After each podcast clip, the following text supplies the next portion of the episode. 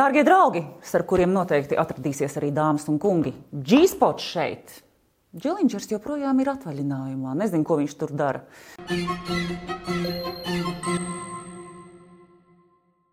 Vispār var iedomāties. Bet, Var iedomāties. Es ievādams pa to laiku strādāju vaigi svietos. Vispār uh, strādāt Jāņos var tikai šādā veidā. Lūk, tikai šādā kompānijā Ieva un Ieva. Čau! Prieks redzēties atkal.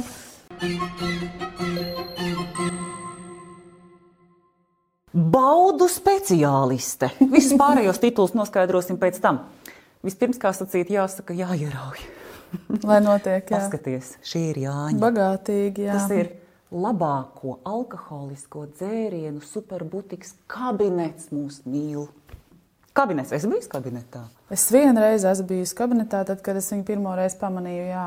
Bet es tik tā, tā kā muzejā iegāju paskatīties, kas tur vispār dabūjams. Nu, redzi, tagad muzejs nāk pie Tagad tevis. muzejs nāk pie manis, jā. Tagad plāns ir sekojošs. Lūdzu, pagaidiet, lūdzu, pagaidiet. Mums tagad ļoti, ļoti svarīgi, nu, saprotiet, svarīga tāda sad- sadaļa. Ja? Ko mēs dzersim? Drīkst es anoncēšu, šie ir trīs itāļu proseko. Protams, nu, izskatās tā diezgan ekskluzīvi. Ko no tā kabineta vēl var gaidīt? Dzēriens sastopās ar baudītājiem, iedomājies, ar baudītājiem. Šodien visa diena būs par to, visa diena. Labi, šis ir uh, klasiskais proseko. Visādi abolīši, persiki, akāciju ziediņi, mazliet tur tādi pavirsa. Šis ir rozē. Šis ir tāds ļoti seksīgs dzēriens ar, nu, ar to, kas zied starp papardēm, augst starp papardēm. Tā kā pieņemsim, ka tagad 21. datums, mēs esam papardēs. Arī jau sīmani. Ja? Meklēsim tādu baudas atslēgu. Nezinu, ar ko tas viss beigsies. Trīs mēs neizdzersim, tad, tad gan mēs būsim papardēs vai dilēs. Jā. Uh, meža zemēnes, visādi rozā augļu, rožu aromāts un tam līdzīgi. Un ļoti kārdinošs, ļoti sauss un vienlaicīgi ļoti slapjš un burbuļojošs. Šis vispār izskatās baigā. Es, es redzu, ka tu uz viņu skaties. Jā, viņš superiore, arī tā, superiore, dry, vispār superbauda, tā tad, jā. ar visiem baltajiem augļiem, ar persikiem un aboliem. Un, uh, šeit bija Melonēm starp lavanda un tur bija melone. Jā. Nu, kur tu gribētu? Varbūt blind tasting uztaisam, kā tev ir ar vīniņiem? Fuh, es Nē. nezinu, vai tā vajadzētu. Bet, nu, kuru saulgrieži ņemam, tad šo te Ah, ok. tomēr, jā. To visu sausāko, ja? To visu sasāko, jā. Ņemam visu sausāko, turpinam pēc tam ar slapjiem.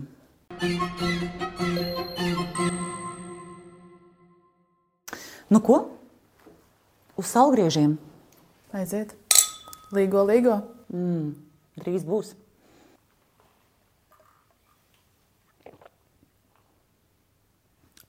Kā mums tur bija ar tām melonēm un aboliem? Es melonu nejūtu šeit. Un arī ābolu nē, bet savs viņš ir. Savs viņš ir. Un baltos ziedus iespējams es arī tur jūtu.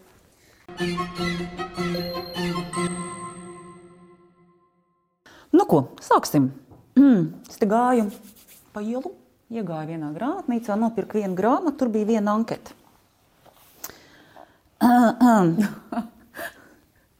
Vārds uz vārds, Ieva Sīmana, vecums, 42. Tur tiešām tāds jautājums bija. sīkā. uh, mm -hmm, mm -hmm. Nodarbošanās, Seksa un attiecību konsultanti, um, grāmatu autori. ak, mans dievs. Vēda izēja.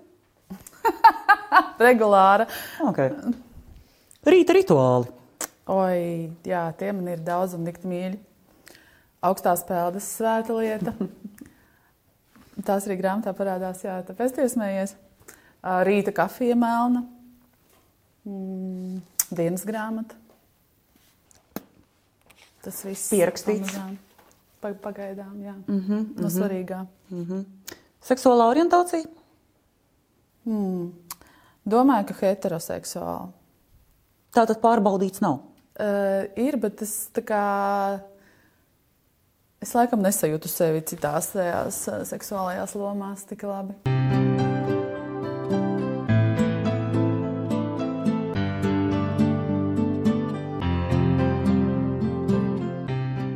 Mhm, Aha, G-funkcionālais orgasms. Un, aha, aha. un uh, pēdējais mēnesis nav tik svarīgi. Bērni jums ir. Mums ir, jā. Jums ir. Es vismaz pazīstu vienu. jā. Ļoti labi. Un, uh, vai jūs ticat uh, monogāmijai vai poligāmijai, kas ir svarīgi mūsu turpmākajai sarunai? Mm. Es ticu abiem īstenībā, bet uh, katra paša izvēle, kuru ceļu iet. Cilvēks pēc dabas nav monogāms. Jā. Tas arī ir zinātniski pierādīts. Diemžēl. Ja to mēs varam, nevar. kāpēc lai mēs to nedarītu? jā, jā, tiešām.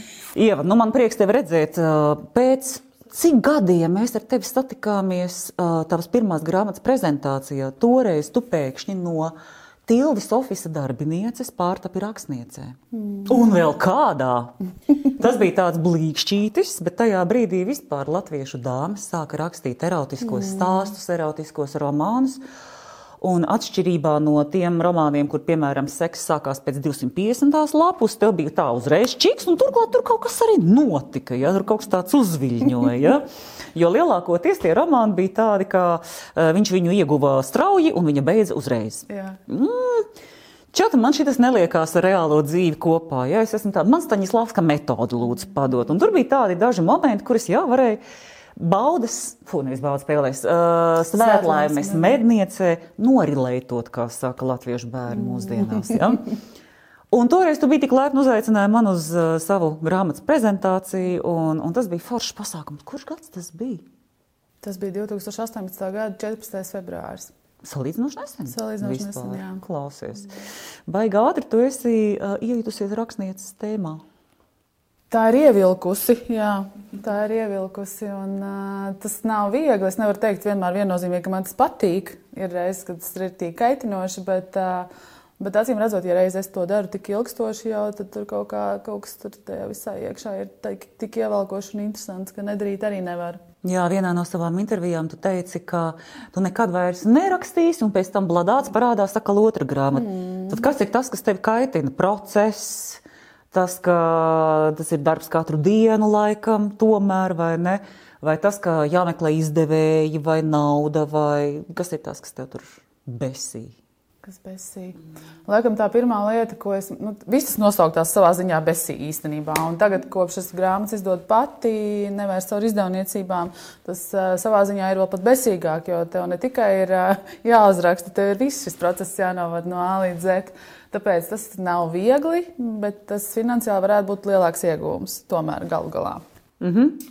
Tā kā grāmata jau ir plauktos, vai tu vari salīdzināt, vai tā tas arī ir? Finansiāli Šobrīd- pašam izdot ir izdevīgāk. Nu, ir izdevīgāk, jā, ir izdevīgāk vismaz nu, šobrīd vismaz trīs reizes. Mm -hmm. Jā. Super. Būsim zināt. Ok, uh, divu grāmatu autore. Uh, tādā vecumā, kad laikam sieviete sāk meklēt sevi no jauna, nu, tie ir tie mūsu slavenie 40. Jā, tāds it kā no vienas puses klasisks stāsts. No otras puses, esmu sadzirdējusi arī no, no tavām citām sarunām, ka tevi šī seksa tēma ir interesējusi vienmēr, nu, no pusauģa gadiem. Loģiski, katru interesē seksa tēma pusauģa gados. Un pēc tam mēs kaut kā nomierinamies. Nu, kuri nomierinās, kuri nē, kā mēs ar tevi. vai ne? Vai ne? Nu, jā, tieši tā. Lūk, kas tevi raksturo kā pusaudzes meitene? Kāda tu biji un uh, kas tevi interesēja? Kas tevi interesēja savādāk kā citus? Kas bija tas, uz ko tu negavi jaut, uh, atbildi? Ļoti labs jautājums. Tā faktiski nebija par to. Jā, bieži tiešām es nebiju pamanījis. Varbūt tas ir tad, kad uzreiz nevari sniegt atbildi. Tā Jā. neirozīta Jā, mazā. Hop. Pauze. Jā, bet es faktiski par to tiešām tā baigi nebiju domājis, ar ko es atšķīros no citiem pusauģiem. Nu, es varbūt atšķīros ar to, ka man bija pamatots iemesls nejusties tādai kā citi, jo man ir tāda viena kroniska kaitīte, kuru man arī vienmēr bāza acīs, nu, mani tuvinieki, kuras dēļ es jutos nu, rītīgi nepilnvērtīgi. Jā, man ir pirmā tipa diabēts. Nu, Tas nav, tā nav tāda. Nu, so, what, kā nu, teica senie grieķi? Senie grieķi, jā, bet vecāki tev ir uzspieduši to, ka tu esi savādāks un tu esi oh. nepilnvērtīgs un ko tu vispār dzīvē sasniegsi. Un, Protams, ka tas mans spīts iekšējais ieslēdzās. Nu, Trubultā iespējams. Un līdz ar to es arī diezgan izmisīgi īs- īstenoju to savu pusauģu dabu ar goltu laikiem, ar, ar, ar visām trakām ballītēm. Es, nu, sakot, tur bija viss kaut kas, ko vispār tāds nu, tīns, normālais var iztēloties tikai reizes trīs. Nu, tā, mm -hmm. Tādās galējībās es gāju. Un, Jā, kaut kas gotisks tev vēl ir palicis. jā, jā. Tā ļoti piestāv. Tā iejutusies, jā, paldies. Jā, bet, nu, protams, baigi mīļ, mīļie vecāki. Mm. Kā viņi mūs... Viņi jau to dara aiz lielas mm mīlestības no vienas puses, bet tā, tā pašā laikā, protams, tas nekā nepalīdz. Jā.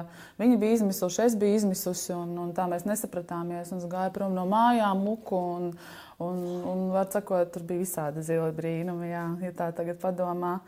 Un tā otra lieta, jā, kad, ja mēs par to seksualitāti pieskaramies, tad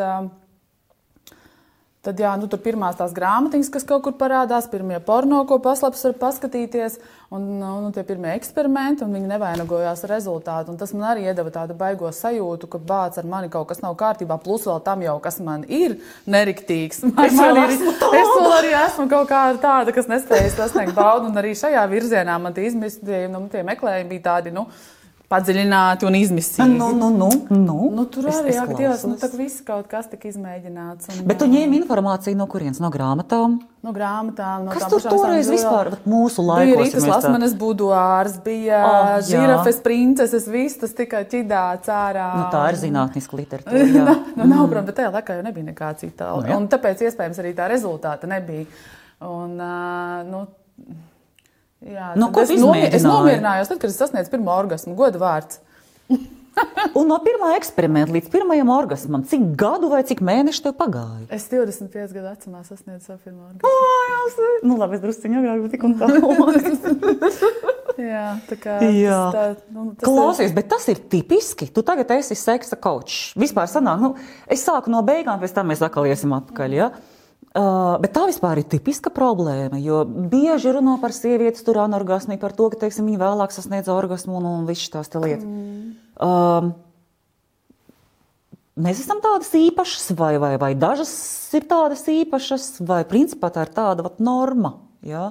Kad cilvēkam tiek uzspiests kaut kas, vai cilvēks izlasa kaut kādus uh, Uh, viņš ieguva viņu strauji, viņa beidz uzreiz tipa romānus, un viņai liekas, ar mani nav nekas kārtībā. Mm, tas ir visa tā kopums, es domāju, bet labā ziņa ir tā, ka šobrīd tās informācijas ir vairāk, un tām jaunajām sievietēm ir arī lielāka iespēja būt tādā mierā ar sevi, ok, nu, tas kaut kad atnāks, tikai man vienkārši jābūt pašai vērīgai un tādai, nu, mīlošai pret sevi. Ne, netriekties uzreiz tajās pirmās attiecībās un negaidīt no tā vīrieša tik daudz, bet kā tiešām vairāk sevi izzināt. Tas, manuprāt, ir tas primārais. Jo es sevi pati neizzināju. Es tiešām no, gāju ar tādām expectācijām, ka, no, ja ne šitais džeks man to orgasmu sagāžās, šis noteikti, nu, viņš izskatās tāds, ka varētu būt. Viņam tur ir gan pieredze, gan, gan vizuālais, vispār murjāņu sporta ģimnāzijas sportists. Nu, viņam noteikti jābūt potenciālam. Un nav, un tās izmisums tikai kāpj un kāpj un kāpj un kāpj. Un kā, nu, Beigās tu vienkārši kaut kādā brīdī padodies un domā, labi, skaidrs, man vienkārši nav lēmts. Ārprāts. Līdz tas notiek nejauši. Tāpēc es reizēm konsultācijās sievietēm saku, manuprāt, vienkārši tev ir jāpārstāj uz to tik ļoti fokusēties un jāļauj, lai notiek kaut kāda nejaušība. Tāds parasti notiek arī ar cilvēkiem, kuriem, kuri ilgi grib tikt pie bērna. Nu, jā, līdzīgi, protams, tas ir tā, ka tu atslēdz smadzenes. Jā, tu atslēdz smadzenes, tieši mm -hmm. tā. Kāda bija tava nejaušība? Man nejaušība ir aprakstīta svētlaimes, mm, svētlaimes medniecē. Tas ir gandrīz precīzs stāsts par to, ka es vienkārši sēdēju gultā, lakoju nagus. Uh, tikko bija aizskrūvējis to pudelīti ciet, man viņa starp kājām bija ielikt, un viņi tur ieripoja, un tas, tas viss tā aizgāja skaisti. Oh. Man liekas, 99% šādu stāstu tur vīrieši tūmā nav stāvējuši. Nav, ne? Mm -hmm. Ko tas nozīmē? Mm, tu kā seksa kočs tagad vari to izskaidrot, kāpēc šī pirmā reize ir būtībā bez partnera? Hmm. Tā atkal ir tas nejaušības princips, ka tu beigi nedomā, kas notiks un kāds būs tas rezultāts. Tu nevirzies tik ļoti uz rezultātu, tu vienkārši esi tajā brīdī procesā. Un, pat ja tur būtu vīrietis, tas, protams, ir iespējams, bet tas iedod bišķiņu to stresa momentu. Mums sievietēm ir ārkārtīgi populāri satraukties par to, kā viņas pirmkārt izskatās, nevis kā viņas jutīsies. Un tas joprojām tā ir patiešām. Un, un ticība vai nē, droši vien arī mums abām kaut kad šīs ieslēdzās. Tā kā, nu, jā, tas ir tas numur viens. Manuprāt, tā būšana tādai pilnīgi pašai kailai līdz ne tikai miesiski, bet vispār pilnībā kailai un atdoties tam brīdim. Tas jā. ir priekšnoteikums. Tas saucās atslēgt galvu, un tā bija tieši mana versija. Jo tajā brīdī, kad es tik līdz esmu ar kādu otru cilvēku kopā, mm. es domāju, kā es izskatos, kā es performēju, kā es tur mm, vai es pietiekami skaļi alsoju, vai, es pietiekami parādīju to, ka man jā, patīk. Tieši tā. Jā. Un domā, ka, vai viņam patīk lielākoties, vai, viņam patīk, vai, ne, vai viņam patīk. Un par sevi mēs kaut kā. Jā. Un pat tajā brīdī, kad eh, parādās kaut kāds sakarīgs partneris un saka, nu, padomā par sevi, vai tev tā patīk, tu tā, oh, jā, jā, un interesanti, kā es tagad izklausos. jā, jā? Šitas, um, šitā frīkainā paškontrole, um, viņa ir bieža Latvijā. Vispār tev ir uh, klienti un, un uh, sarunu biedri par šo tēmu lielākoties Latvijā, vai ne? Jā, tikai Latvijā šobrīd. Tikai Latvijā. Mm, es mm -hmm. angliski vai krieviski nejustos komfortabli par to runāt, laikam tik, tik tā plaši, kā es to varu darīt latviski. Nav man tik plašas tā zināšanas angļu valodā vai krievu.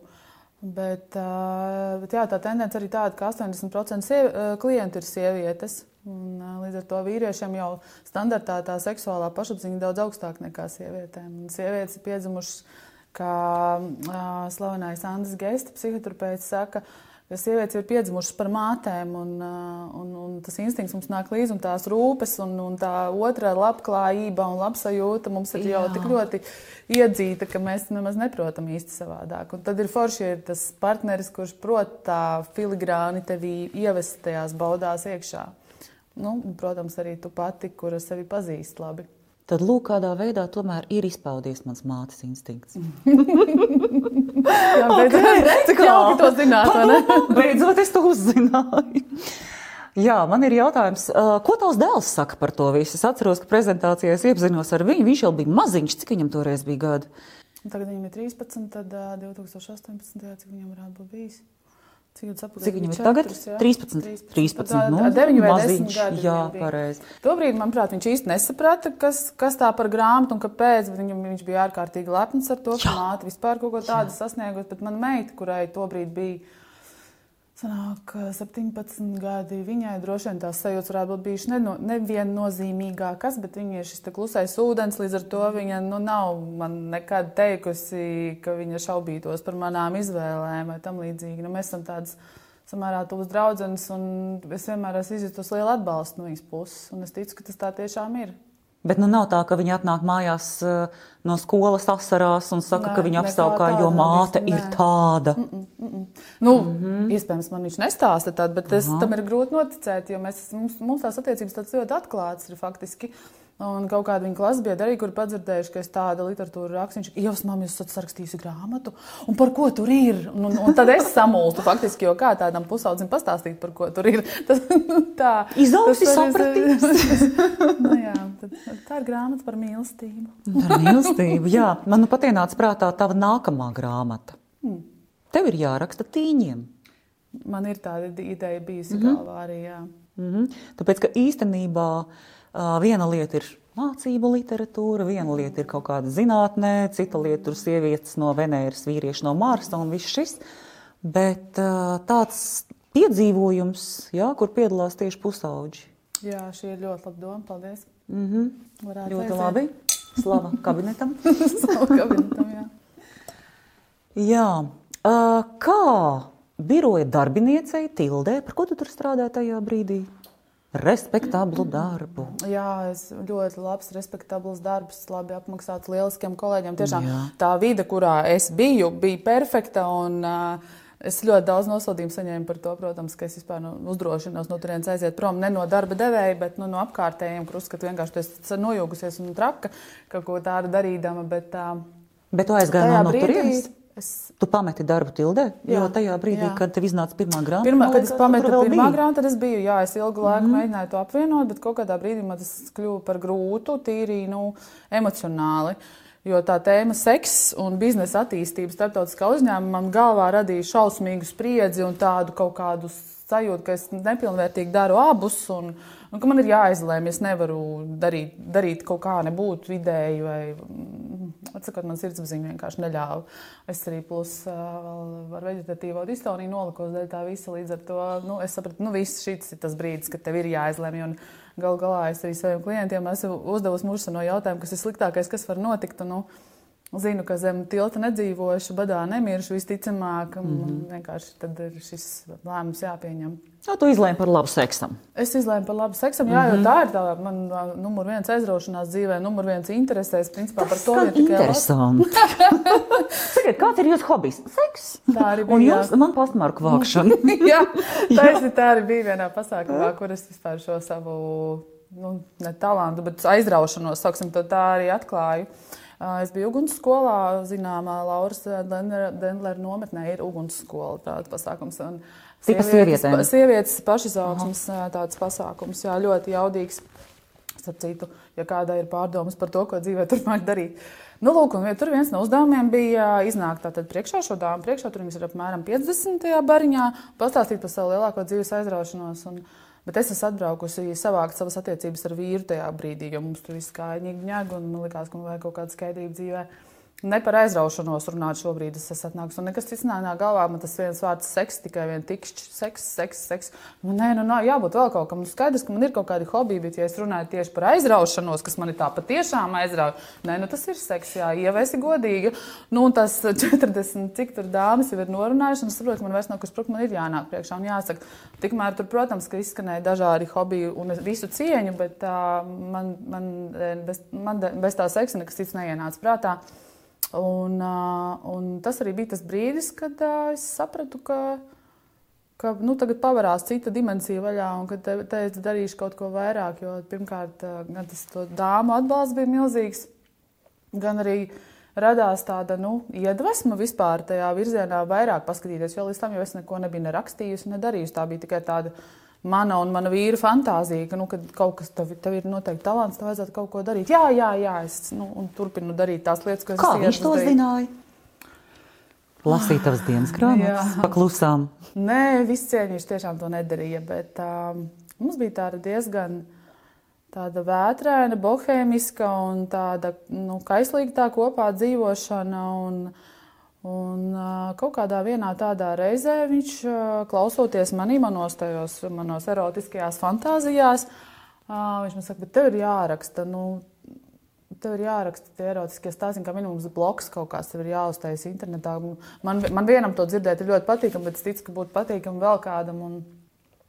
Bet ir grūti noticēt cilvēkam, nu, ar kuru tas tik ļoti saistīts. Viņš man liekas vienkārši tā kā glaimote un, un, un, un, un kas tās vispār par muļķībām, bet tajā pašā laikā tā doma arī neliek mieru īsti. Un, un tā tas arī aizgāja līdz uh, ugunsskolas atzīšanās reizei. Un, uh, tur savukārt dāmas man izaicināja šo pirmo stāstu uzrakstīt.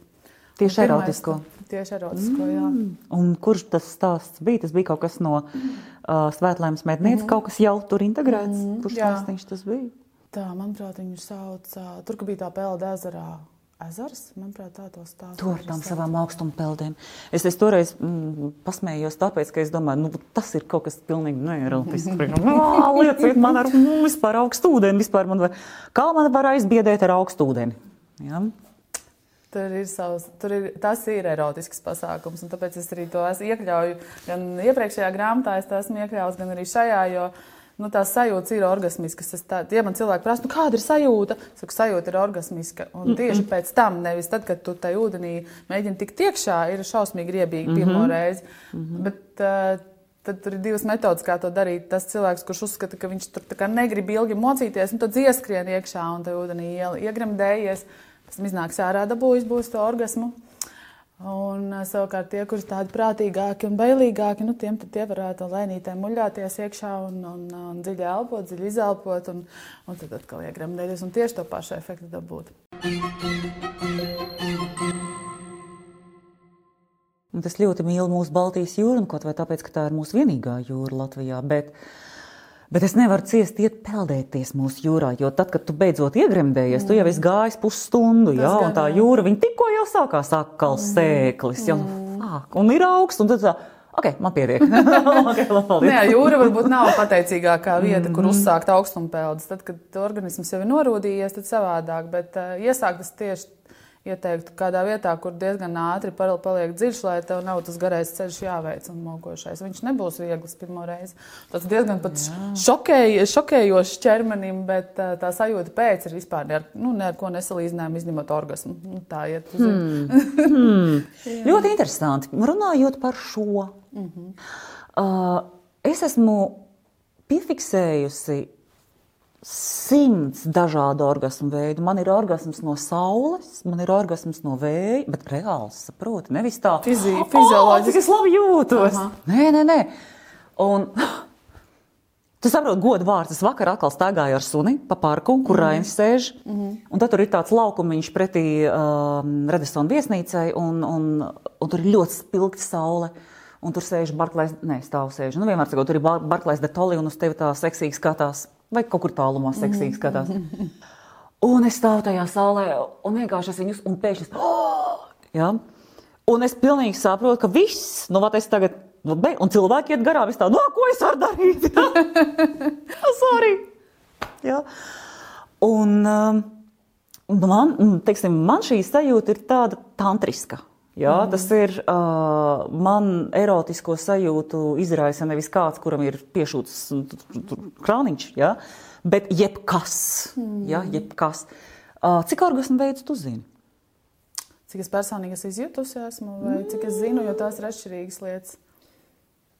Sāksim ar personiski.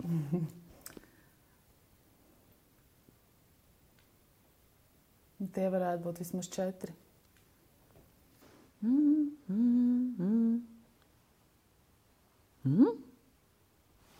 Ah, jā, četri. ok, labi, četri.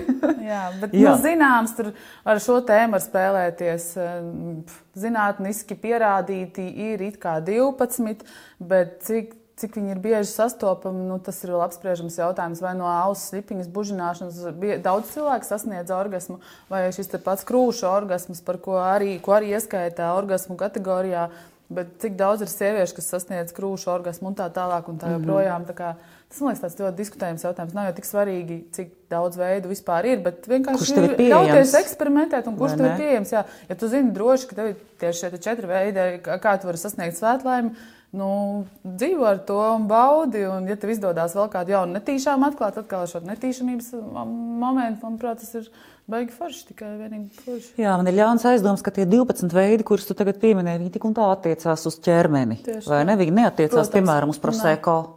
proseko orgasmus. Mums Nav par pateicoties kabinetam, bet tās jā. proseko orgasmus tuvojās. Ja? Mm. Uh, Dzējas lasīšanas orgasms, grāmat, man grāmatu lasīšanas orgasms arī ir bijis. Mm -hmm. ja? Mhm. Tas Man ir bijis tā, kā- Mhm. ka grāmata beidzās, mm -hmm. ja? un tu pēkšņi saproti, nu, ka viņa nebeidzās, viņa turpinās tajā brīdī. Un tev vienkārši ir tāds krampis, tāds fizisks, drausmīgs tāds krampis iekšā. No kuras grāmatas tu esi beigusi? No kuras grāmatas esmu beigusi?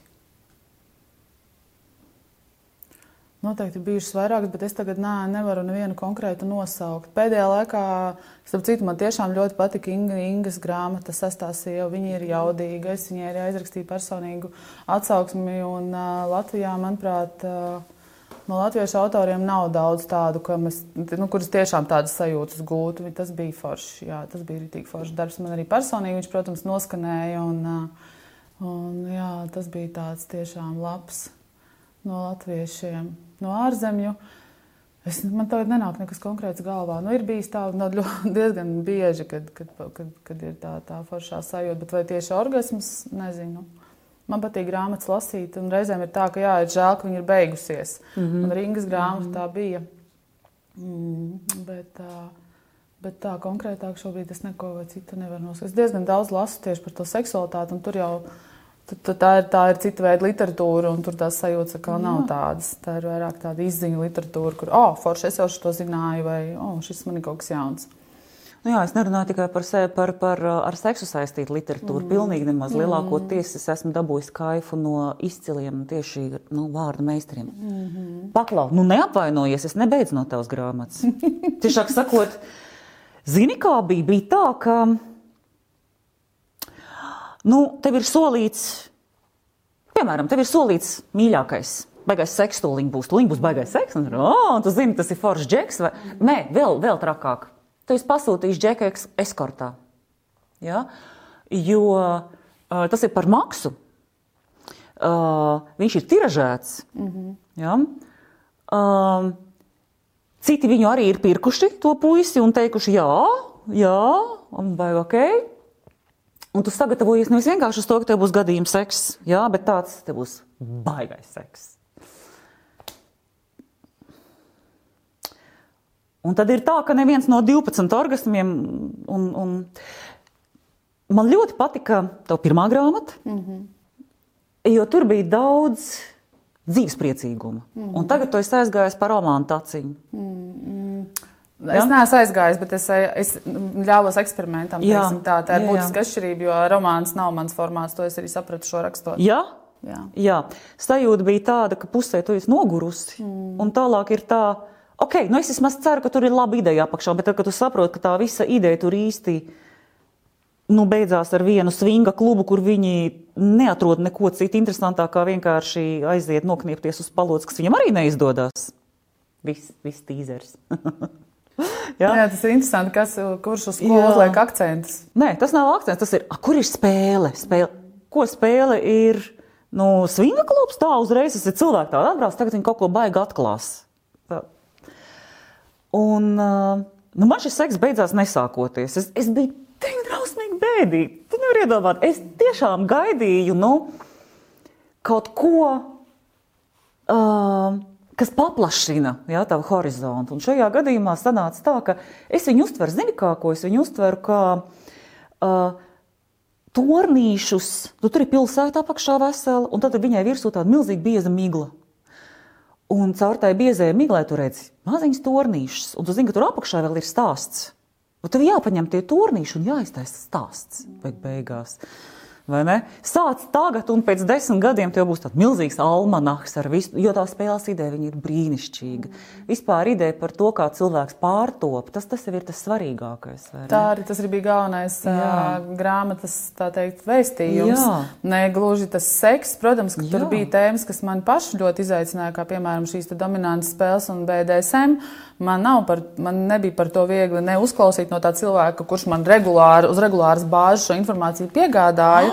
Oh, likās, man ir jāpapēta, kas šeit notiek. Un faktiski tāpēc arī tas viss tur tik iepīts grāmatā iekšā. Man gribējās izpētīt, kas tas ir un uh, par ko ir īstenībā stāsts. Nu, lūk, un tagad pie materiāla vākšanas. Tātad, kam tu esi gājis cauri, lai tā tad vāktu materiālus topošai grāmatai? No, nu, šai vai nākošajai? Šai, šai, šai. šai. Mhm. Mm -hmm. Tās ir dažādas nejaušības.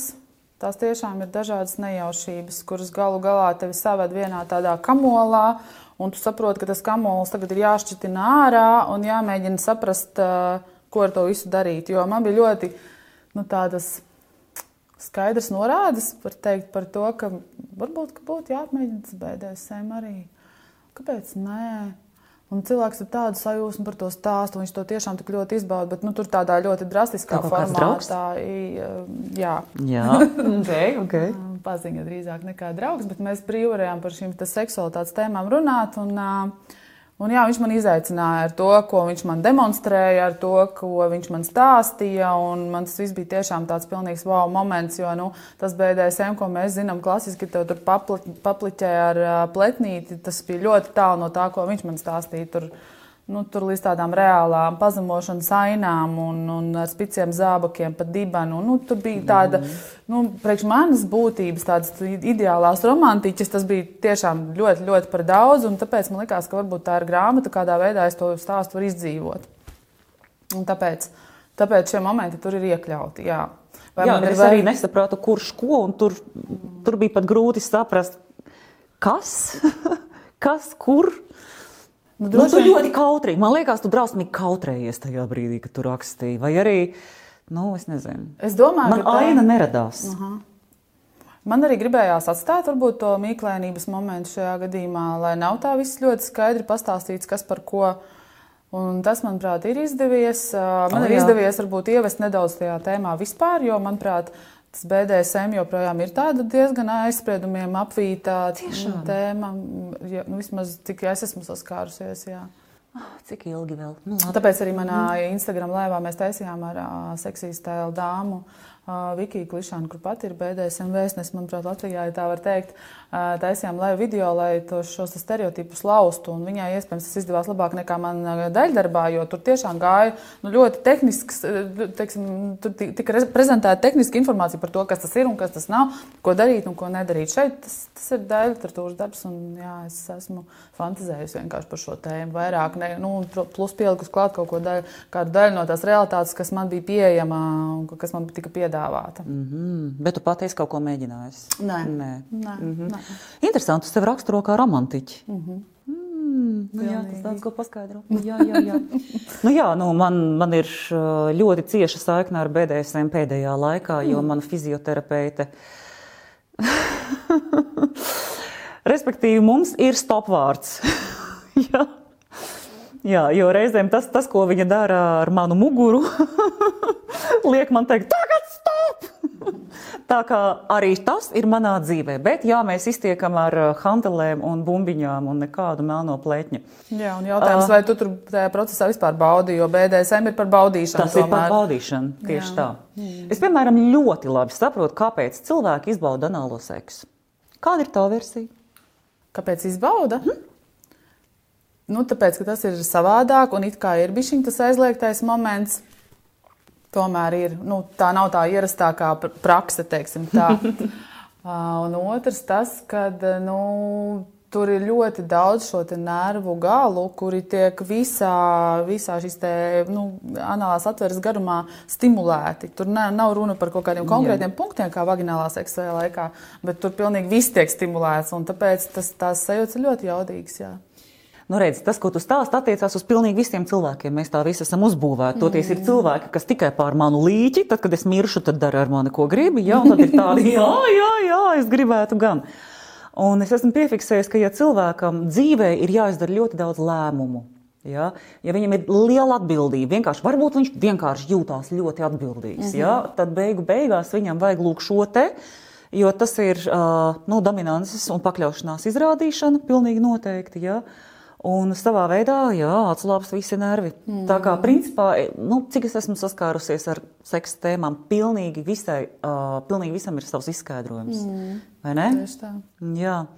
Uh, man liekas, ka mums, kā dāmām, kuras nav baigās pavēlnieces dzīvē, jā, mums tā BDSM tēma nav vajadzīga. Nav jo ne, es neesmu BDSM rūpnīcas priekšniece. Jā, precīzi. Te ir stāsts par šiem cilvēkiem, kuri eh, savā dzīvē ir izvirzījušies tādos ļoti atbildīgos amatos, kuri principā dominē pār, eh, pār apkārtējiem cilvēkiem. Viņiem ir ļoti interesanti saprast, kā ir, kā, kādas ir tās sajūtas, kad dominē pār tevi.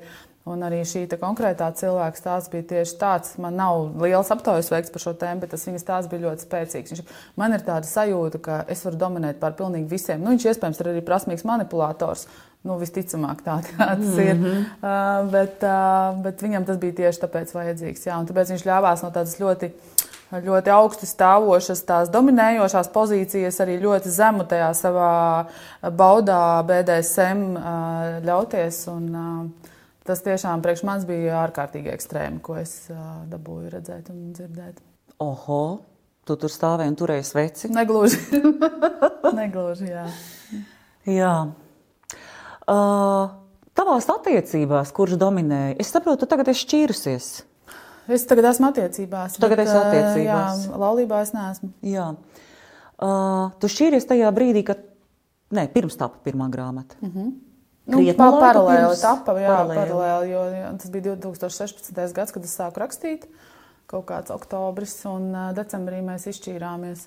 Ārprāt, cik jocīgi. Tu zini, kad es izšķīros ar savu bērnu tēvu. Uh, un tad, kad viņš man palika seksuāli nepanesams, tad, mm. kad es sāku strādāt radio, ar raidījumu radiogēšu, kas bija par seksu. Mm. Un sanāca tā, es pilnīgi jūtu, ka visu savu seksuālo enerģiju es ieguldu vārdos mm, un uzdāvinu viņu citiem cilvēkiem. Un tagad es atnāku mājās un redzu viņa brīnišķīgi skaisto atletisko ķermeni. Nenāc man klāt! Šitas moments, jā.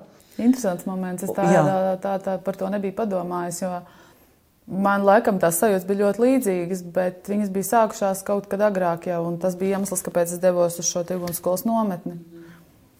Jo negribēt savu vīru, nu, nelikās normāli. Bet, jā, varbūt tas saslēdzās ar tiem vārdiem. Varbūt viņiem vienkārši bija kaut kur jānāk uz ārā pēc tam. Jā, jā jo seksualitātei tik un tā kaut kur ir jāiet.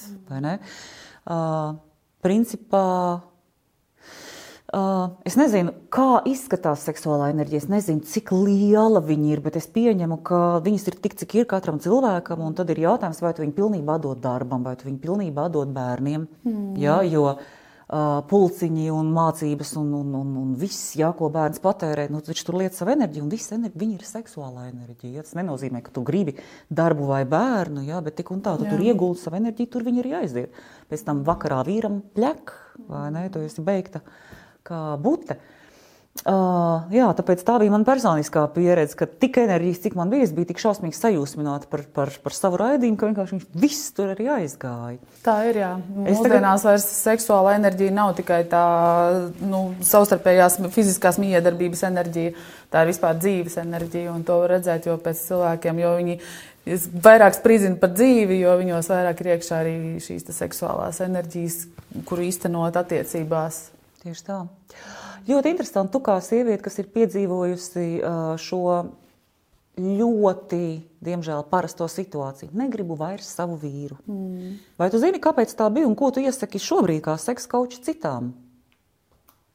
Nu, es nevaru ieteikt kaut ko vienu noteikti. Bet kāds ir tas mans stāsts? Problēmas, bija, iemesli? Tas mans stāsts bija arī savā ziņā diezgan populārs.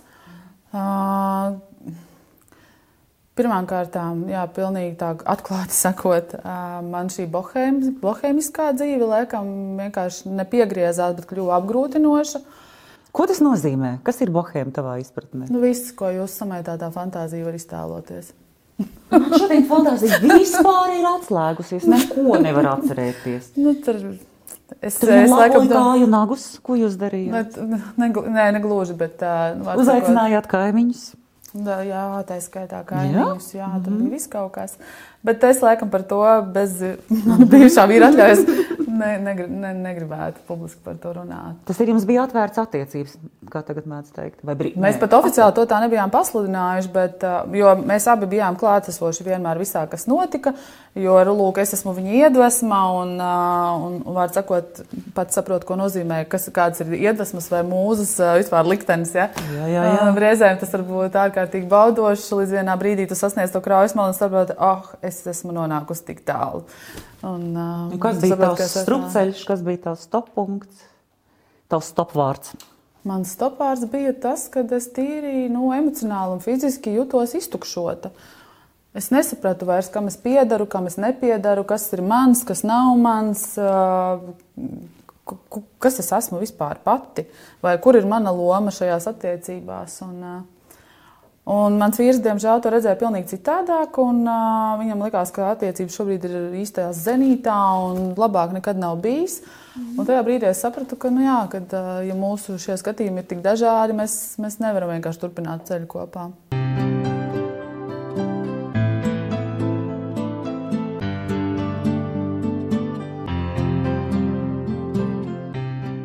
Tas ir vienkārši, kā es saprotu, tur bija iejaukti iesaistīti vēl citi cilvēki. Citi cilvēki, jā, visādas uh, prakses, interesantas. Tā, mm. Par to bija jāraksta grāmata. Negribu to kādreiz nokratīt no sevis nost, dot viņai vēl citu vārdu un uzrakstīt grāmatiņu. Es par to es domāju, es redzēju, Svētlēnas medniecā es tam nedaudz esmu pieskārusies. Mm. Protams, arī tikai tāda aizberga redzamā daļiņa, pavisam, pavisam. Uh, bet tomēr tur diezgan daudz jau izrakstīju ārā, un tāpēc man to grāmatu bija ārkārtīgi viegli, viegli rakstīt. Es viņu arī nebiju grasījusies publicēt faktiski. Un līdz ar to tas, jā, tas atklātības nu, teiksim, koeficients ir daudz lielāks nekā tad, kad tu raksti un zini jau, ka, okay, jā, es to publicēšu, man ir jārēķinās ar lasītāju un to, ko viņš par mani padomās. Tas ir, protams, bullshit, bet tā, tas automātiski vienkārši notiek. Tā kā Džilingers saka, jāraksta ar asinīm, es viņam pilnīgi piekrītu. Jā, ir jāraksta ar asinīm. Asinīm. Tie darbi, kas ir rakstīti ar asinīm, tie aiziet vienkārši zurā. Un, tu, protams, esi savā ziņā sevi pārdevis savu dvēseli vēlnam, bet, bet, ja tu bez tā dzīvot nespēji, tad tev jārēķinās ar kaut kādām sekām vai ar kaut kādiem upuriem šī visa labā. Jā, tā tas ir. Kāds ir tavs ideālās attiecības šobrīd? Es saprotu, ka tomēr, nu, redz, kas ir interesanti man liekas, par mums abām ir viens un tas pats mīts šobrīd. Mm -hmm. ja? un, baigi brīvi, uh, seksuāli ļoti atbrīvots būtnes, mm. uh, atļāvušās savulaik visu ko. Mm. Uh, un šī šleifa mums it kā stiepjas līdzi. Jā. Uh, un no otras puses, uh, es esmu šausmīgi mierīgs un, un nu, monogāms cilvēks, ja neskaita, piemēram, sauli, vēju un jūru, kas noteikti ir man mīļākie, ja jā, vienmēr. Jā. Ja. Bet uh, nu, man nevajag šo lietu, ko tu sauc par bohēmu, un es jūtu, ka tev arī nē. Un tu tur esi bijusi, jā, jā? un tagad tu esi dabūjusi savu seksu guru slavu, mm. jā, un tajā pašā laikā tu esi tāda mierīga. Pašpietiekama un mierīga, jā. Bet tam visam, es saprotu, bija jāaiziet cauri, lai tā mm -hmm. notiktu. Iespējams, es arī nebūtu nomierinājusies, ja viss šis nebūtu noticis. Es nezinu, kur es būtu faktiski. Mm -hmm. Ļoti interesanti tā, jā, bet uh, man patīk visa tā pieredze, neskatoties to, ka viņa brīžam ir bijusi neciešami grūta. Ir, es, es tagad jūtu, ka man viņa riktīgi nodara, un, un tas ir tas lielākais bonus. Jo man ir daudz vieglāk sajust klientus, eh, runājoties ar viņiem caur to savu pieredzi arī tā skaitā. Jo, ja man kāds atnāk un stāsta par savu problēmu, kurā es neesmu bijusi, nu, pat lielākajam spečukam ir grūti izprast, kā tas ir. Tāpēc eh, tas ir milzīgs iegūms faktiski. Jā. Nu, lūk, tieši par šo mēs turpināsim pēc proseko pauzes. Nu, vai mēs esam tikuši līdz meloniem vai tikai ābolos? Es joprojām esmu ābolos. Jā. Tu joprojām esi ābolos. Mm -hmm. Mm -hmm. Lieliski par darbu. Par darbu. Uh, Tur bija tāds moments, paga, paga, paga. Es neatceros, kuru no manām draudzenēm man piezvanīja un teica, paskaties Instagram. Paskaties, tur ir kaut kāds seksa kočs. Tev bija jābūt tajā vietā. Uh, es tā, oho, skatos, Ieva Sīmanta. Paga, paga, paga, kaut kur redzēt. Sapratu, kur. Pa kuru laiku tu esi kļuvusi seksa kočs, cik ātri tas notiek, kas priekš tā ir vajadzīgs? Mm -hmm. Tas ir nu, tāda nopietna izglītība. Jā, par seksa koču es kļuvu pēc pirmās grāmatas izdošanas. Vispār nevis es kļuvu, bet man dzima tā doma, ka man gribās cilvēkiem vairāk nu, tieši palīdzēt, laikam. Jā. Pēc tam es biju pie dziednieces, kura man norādīja, ka man ir šis dziednieka nu, gars pašajā, pašā iekšā, un ka man ir tā intuīcija tāda, ka es varētu cilvēkus just un saprast. Un tam likās, jā, jā, tas viss ir par mani. Ko es vēl varētu darīt? Jo, nu, rakstīt grāmatas, jā, viņas ir iedvesmojošas, daudz cilvēku tā saka un atzīst, bet nu, ir, tās, ir tas mazais urdošais signāls, kas saka, var darīt, ka es varu kaut ko vairāk. Mm -hmm. nu, tad es pētīju iespējas studēt psiholoģiju, psihoterapiju, seksual, seksualitāti. Latvijā tādas izglītības nav. Mm -hmm, kas vēl varētu būt sāku skatīties uz ārzemju resursiem, un uh, tur pamanīju, jā, ka uh, Amerikā un Eiropā jau ir tur. Nu, čupām vienkārši šo seksa kauču. Protams, un tā skaitā mm -hmm. seksualitātes kauču. Jā, Domāju, hm, jā šis izklausās interesanti, bet tam man ļoti patika tas. Tas, ka teiksim, kočs viņš nerakņājās tik daudz pagātnes rēgos, Jā. bet uh, dinamiski iet uz priekšu ar esošiem resursiem. Un tas arī mhm. stāsta par mani. Man arī tīk noredzinēja, meklēju skolu, kurā var apgūt šīs coaching metodas. Un uh, 19. gadā es sāku studēt. Kur? Tepat Rīgā. Rīgā, tu teici, Rīgā nav tādas izglītības. Rīgā nav seksualitātes jautājumos okay. tieši, bet tā kā man jau tā informācijas bagāža ir diezgan liela uzkrāta, un es turpinu arī tā skaitā praksi, protams, kas nav mazsvarīgi. Mm -hmm. Bet uh, man bija svarīgi apgūt šīs metodes, jo par seksu jau es daudz ko zinu un daudz esmu lasījusi un turpinu to darīt. Bet man vajadzēja tieši metodas, kā strādāt ar cilvēkiem. Nu, kas ir tie kaut kādi signāli, kā man mm -hmm. uztvert vispār un kā viņam uztvert mani, kā mums sadarboties. Bet tu jo... mācījies parastā coachinga tipā jā, skolā. Jā, jā. A, kāds tam sakars ar seksu? Coachingam nav uh, nu, vismaz. La... Coachingam vispār nav tādas nu, teiksim, konkrētas tēmas. Tu izmācies šīs coaching metodas, un tad pielāgoties savai jomai. Nu, mums ir biznesa coach, nu reti kurš biznesa koči, ko es zinu, un reti kuram ir tieši specifiski kaut kāda biznesa izglītība. Viņi nāk arī no citām jomām, viņi vienkārši piemācījušies klāt. Tas ir tā, ir tā tava, nu, kā es to redzu, tā ir tā tava aizraušanās, kaut kāda sirdslieta, kurai tu piemācies klāt, nu, samērā universāls metodas, bet viņas var nu, tā kā es to arī daru, es viņas attīstu tieši tajā savā seksualitātes tēmā. Tur spikoju no ārzemju seksu, seksu kočiem ah, kaut kādu okay. iedvesmu gūstu, nu, tādā veidā. Vai veidoju kaut kādas arī savas radošās metodas, kuras redzu, ka viņas varētu strādāt. Šobrīd, pieņemsim, rakstu grāmatu tieši kā coaching metodas izmantojot, bet par seksualitāti, kur, teiksim, ja cilvēkam ir nu, kauns atnākt pie manis vēl, tad viņš varēs iegādāties šādu grāmatu un pastrādāt pats ar sevi. O, sajūtu vilkmi, sajūtu, ka man tas dara, atnākšu pie ievas. Nu, tā ir tā doma. Vispār grāmata, man liekas, Latvijas sabiedrībai varētu būt daudz aktuālāka pat nekā saņemšanās atnākt fiziski un kādam citam cilvēkam mm. pateikt, ka tev kaut kas nav kārtībā. Jo ar psihoterapeitiem ir tas, nu mēs esam jau pieraduši pie psihoterapeitiem, paldies Dievam, bet vispār tas pirmais lauciens. Es tāda, šī tāda, tagad iešu pie otra cilvēka, kurš arī ir foršs un foršs, zinu, kur ir problēma. Piemēram, mans ģimenes doktors, man ir ļoti žēl man ģimenes doktori, jo viņa nekad nav redzējusi, cik forši es esmu. Mm -hmm. ja tas, nu, ja? Jo tagad es aizēju pie ģimenes doktora, es jau vienmēr mirstu. Ja? mirstu. Un, uh, un tiklīdz es izvesaļojos, es jau vairs neparādos. Jā, jā. Un viņi domā, nu, ka viņas pacienti ir mūžam mirstoši tādi vārguļi. Ja? Nē, nu, tad šeit atnāca vienkārši pēc kādas izziņas, tā kā varbūt arī nav viss tik slikti. Bet tā seksa coachinga atšķirība savukārt ir tāda, ka cilvēki jau nenāk pie manis tikai tad, kad viņiem viss ir slikti. Viņi atnāk tad, kad viņus urda kaut kāda interese, un viņi nesaprot, ah, okay. tas vispār ir ok vai nav ok, ko man ar to darīt, kur man meklēt kaut kādu informāciju par to pašu BDSM runāt. Un tad mēs kopīgi strādājam pie šī te ar no manu metožu palīdzību, velkam no viņa paša ārā informāciju par to, kur ko kā var dabūt gatavu un vai vispār vajag. Tā kā man pagaidām galīgi neliekās kopā teiksim, coachinga metodes, nu, kuras es nepārzinu, bet es esmu tur reizēm ņēmusi kaut kādas konsultācijas pie coachiem, līdz ar to es apmēram saprotu, kā viņi strādā.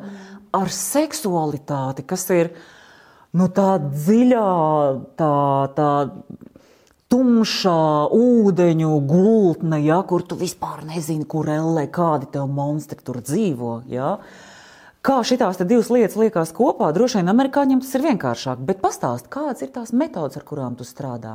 Kādi ir tie instrumenti, ar, kurām, ar kuriem tu tiec nu, tam cilvēkam klāt? Nu, ļoti daudz viņu ir to metožu. Nu, ļoti populāras ir, nu, es to saucu par inventarizāciju. Cilvēks atnāk, un viņš nu, tā kā tik tehniski saprot, mēs tā, bet tā arī ir metodiņiem un Nē, es nestrādāju ar kaut kādām tantriskajām praksēm vai garīgajām. Es tiešām virzos vairāk uz to, kā cilvēku iedvesmot praktiski kaut ko darīt.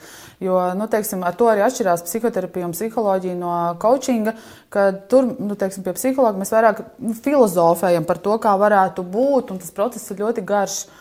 Kas arī ir vajadzīgs, protams, jo tu nevari atnākt pie koča nu, pirms tu neesi sapratis vispār, kas ar tevi ir noticis pagātnē un ko ar to visu darīt. Tad, kad tu esi ar tām problēmām ticis galā, nāc pie koča, mēs skatāmies, kas ir tie praktiskie soļi, kā tu sevi var kā seksuālu būtni pilnveidot. Mēs neārstējam tarakānus vai monstrus, mēs skatāmies uz esošiem resursiem, kas, kas, man, kas man kā cilvēkam ir un ko, kuras viņus var ieguldīt, kā es varu to savu dzīvi padarīt košāku. No, ja nu pēkšņi izlien tāds monstrs ārā, jā, kas saka, nē man patīk tikai miroņi. Un ko tad? nu, ja patīk tikai miroņi, tad. Tad tu parādīsi, kur rakt? Tad, tad es parādīšu, ka nu, virzienu, kurā doties. Jā. Psihiatru vai tomēr kur rakt? Nu, psihiatru. Ah, psihiatru. Okay. Tas bija jautājums par to, vai tu atbalsti jebkāda veida seksualitāti. Starp citu, vai jā, tu atbalsti nu... jebkāda veida seksualitāti? Jā, šo jautājumu es diezgan bieži saņēmu. Man atbild vienmēr ir tāda, kas atbild, atbild, atbalsta kādu seksualitāti, kas nekaitē citiem cilvēkiem. Viņu pašu gribu. Spiež tavu roku atkal.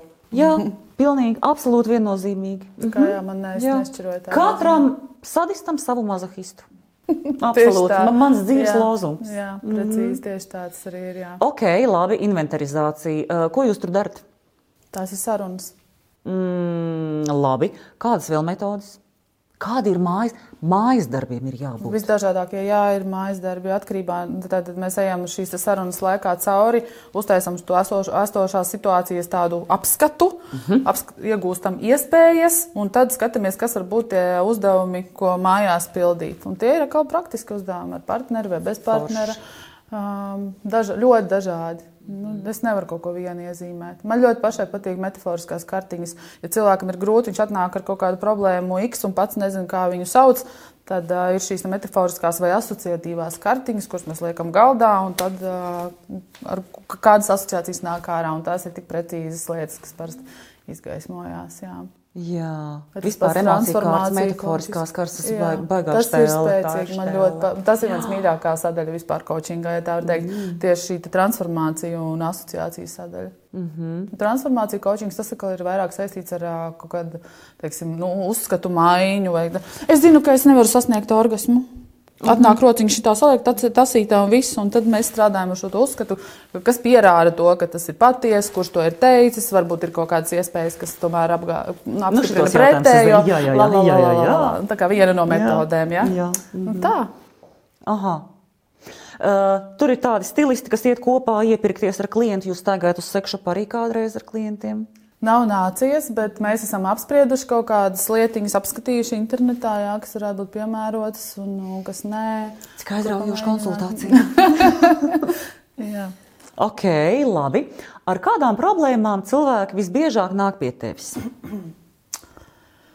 Jā, tad, kad es sāku tās problēmas, man liekas, ka katra ir pilnīgi atšķirīga, bet tagad es sāku saprast, ka ir kaut kādas tās divas, um, divas paralēlās šosejas, ja tā var teikt. Uh, Viena ir tā seksa negribēšana, tādās rutinētās attiecībās. Tā ir tāda viena no pamatlietām, laikam, vispār. Un otra ir tā, ka sieviete pat ar sevi šo orgasmu var sasniegt, bet ar partneri nevar. Mm, Tad mēs tur rokam. Katrai tas stāsts atkal tomēr bišķiņ atšķirās, bet tā problēma ir. Šīs divas problēmas iezīmējas kā tādas pamatproblēmas jā, vai nu, izaicinājumi.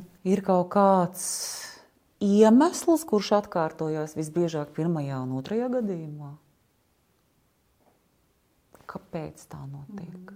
Pirmajā gadījumā ļoti bieži tas ir nogurums un stress.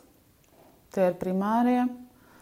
Sievietēm tas ir arī bērnu piedzimšana, protams, kas arī saistīts ar nogurumu un stresu, bet plus tur vēl arī hormoni, kas krītās un ceļās un tur miedarbojas. Par to cilvēki ļoti bieži vispār neiedomājās, ka viņiem ar hormoniem kaut kas varētu nebūt kārtībā. Jā, nu mēs taču neredzam, kādu hormonu, Mēs viņus nu, neredzam, gribu, jā, par negribu, ko to šeit runā. Jā, tieši tā.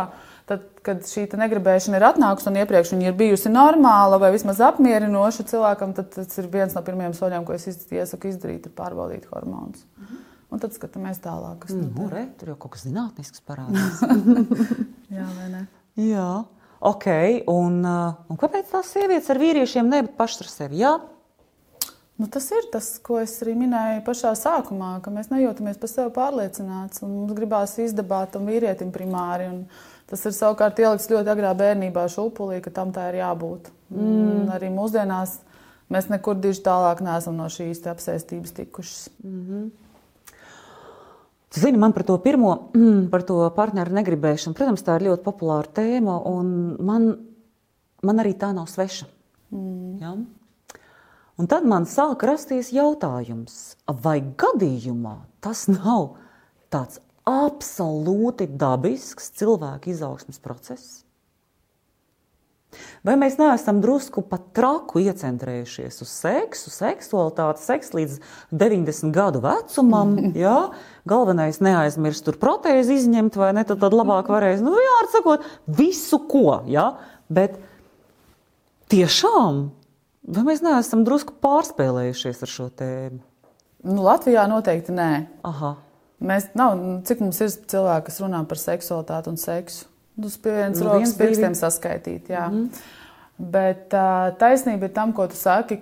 Un tas ir kaut kas, ko man vecmāmiņa man ieborēja bērnībā, ka mīlestībai mūžs ir par garu. Un īpaši tagad, kad cilvēka mūža ilgums ir palielinājies, mīlestībai mūžs par garu. Par garu. Jā. Cik skaisti. Viņa vispār bija ļoti avansēta vecmāmiņa. Īstenībā, pateicoties viņai, iespējams, es arī līdz, savai nodarbējās nonākusi pilnīgi pastarpināti.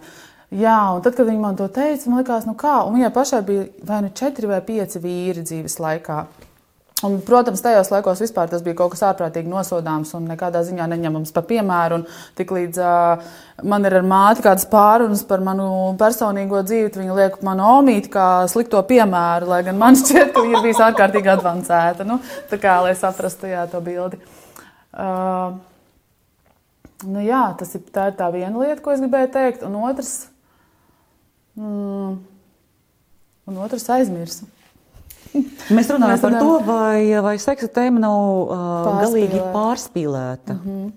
Jā, tāpēc, ka īstenībā, nu, paskatieties, bioloģisks seks ir nepieciešams kam bērnu piedzimšanai. Jā? Tāpēc nu, tā ir ļoti spēcīga jā, tendence. Jā? Atceros, jā. Okay, nu, līdz 40 gadiem mēs ar šo jautājumu tipu būtu tikuši mm. galā. Jā, vīriešiem jā, tas ir nu, ilgāk. Okay. Tālāk, ko vēl seks dara tādu fiziski labi? Labi, noņem stresu, Ja? Būtībā otrs cilvēks tev var kļūt par tādu, it īpaši, ja, ja šis cilvēks tev emocionāli nav tuvs, ja? vai tas ir kaut kāds swingeru pulciņš vai jebkas, ja? plikais seks, kas man Es vienu reizi mūžā neesmu izmēģinājis pliko seksu. Ja? Jo es nesaprotu, uh, nu, principā, vai nu palasīt grāmatu, vai varbūt aiziet paskriet, vai aiziet nopeldēties siltā jūrā. Ja? Vai, vai aiziet uz trenižera zāli. Man liekas, pieņemamāk nekā vienkārši pēkšņi uh, interaktot ar kaut kādu pilnīgi nepazīstamu cilvēku, turklāt bez garantijas, ka es saņemšu kaut kādu baigo baudu. Jā. Ja? Nu, šis ir pašapziņas jautājums, par ko tu runā. Bet, uh, Vēl, manuprāt, tas seks ir nu, ierindojums. Viņš ir ierindojums vienā no tiem šī laimes astotnieka, vienā no pozīcijām. Tur ir daudz cilvēkiem vērtības, kas viņiem ir katram individuāli tuvas. Un tad atkarībā no tā, cik tev vai man šī vērtība ir tuva, man viņa būs augstākā vai zemākā pozīcijā. Bet tajā astotniekā viņa būs. Seks ir tajā mm -hmm. astotniekā, jā, tur kopā ar bērniem, darbu un, un vēl daudz ko citu. No galvas tagad nemācēšu visus nosaukt. Bet tad, respektīvi, ja cilvēks zina, ka viņam šis seks ir vērtība un viņam viņš ir augstā pozīcijā, viņam visticamāk viņš arī dzīves garumā nu, nemainīsies un, un, un saglabāsies. Un viņš viņu mēģinās attīstīt kaut kādā veidā. Jo, ja viņš jutīsies nepilnvērtīgs, tad visticamāk nu, būs jautājums, kāpēc, kas ar mani ir noticis. Starp citu, tieši Tad, kad man šīs veģetatīvās distonijas uzliesmas bija skaidrs, ka organisms pārslēdzās dzīves saglabāšanas režīmā, kāds tur seks. Kāds es pat pašapmierināties nevarēju. 40 mm. minūtes esmu sev nomuļājusies, rezultāta nav.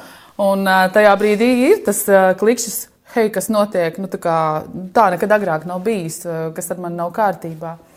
Tā kā jā, nu, Tā ir viena no vērtībām. Ja tā ir tava, tad, tad viņa būs aktuāla. Līdz ar to to nevar ne pārvērtēt, ne novērtēt. Tāpat kā darbu vai bērnus. Nu, viens bērns izvēlās laist pasaulē, cits nē. Un tā ir individuāla izvēle. Būtu forši, ja par to neviens nenosodītu cilvēku. Es tikko sapratu, sapratu kāpēc seks tomēr ir uh, vērtība. Un to es sadzirdēju tajā, ko tu nu pat teici. Tad, tad kad tu jūties slikti, īstenībā slima, ja, veģetatīvā distonija, un tad tur muļājies. Ja. Mm. Tātad, ja cilvēkam ir augsts seksuālais libido, tas nozīmē, ka viņš ir pilnīgi vesels. Jā, viņš ir jā, cool. Tad, acīm redzot, tas ir vienkārši tas rādītājs, jā, kur mēs varam noteikt, wow, šim cilvēkam gan dzīvē viss ir kārtībā. jā. Jā, ok, ok, jā, šādā, šādā griezumā es to saprotu. Vienkārši jautājums, vai mēs to pavēršam uz, teiksim, nebeidzamu partneru mājiņu, apliecināšanos. Ne? Tas ir pašvērtējums jautājums. Gan vīriešiem, gan sievietēm. Jā, jā. Tagad tam nav sakara tiešā veidā ar libido.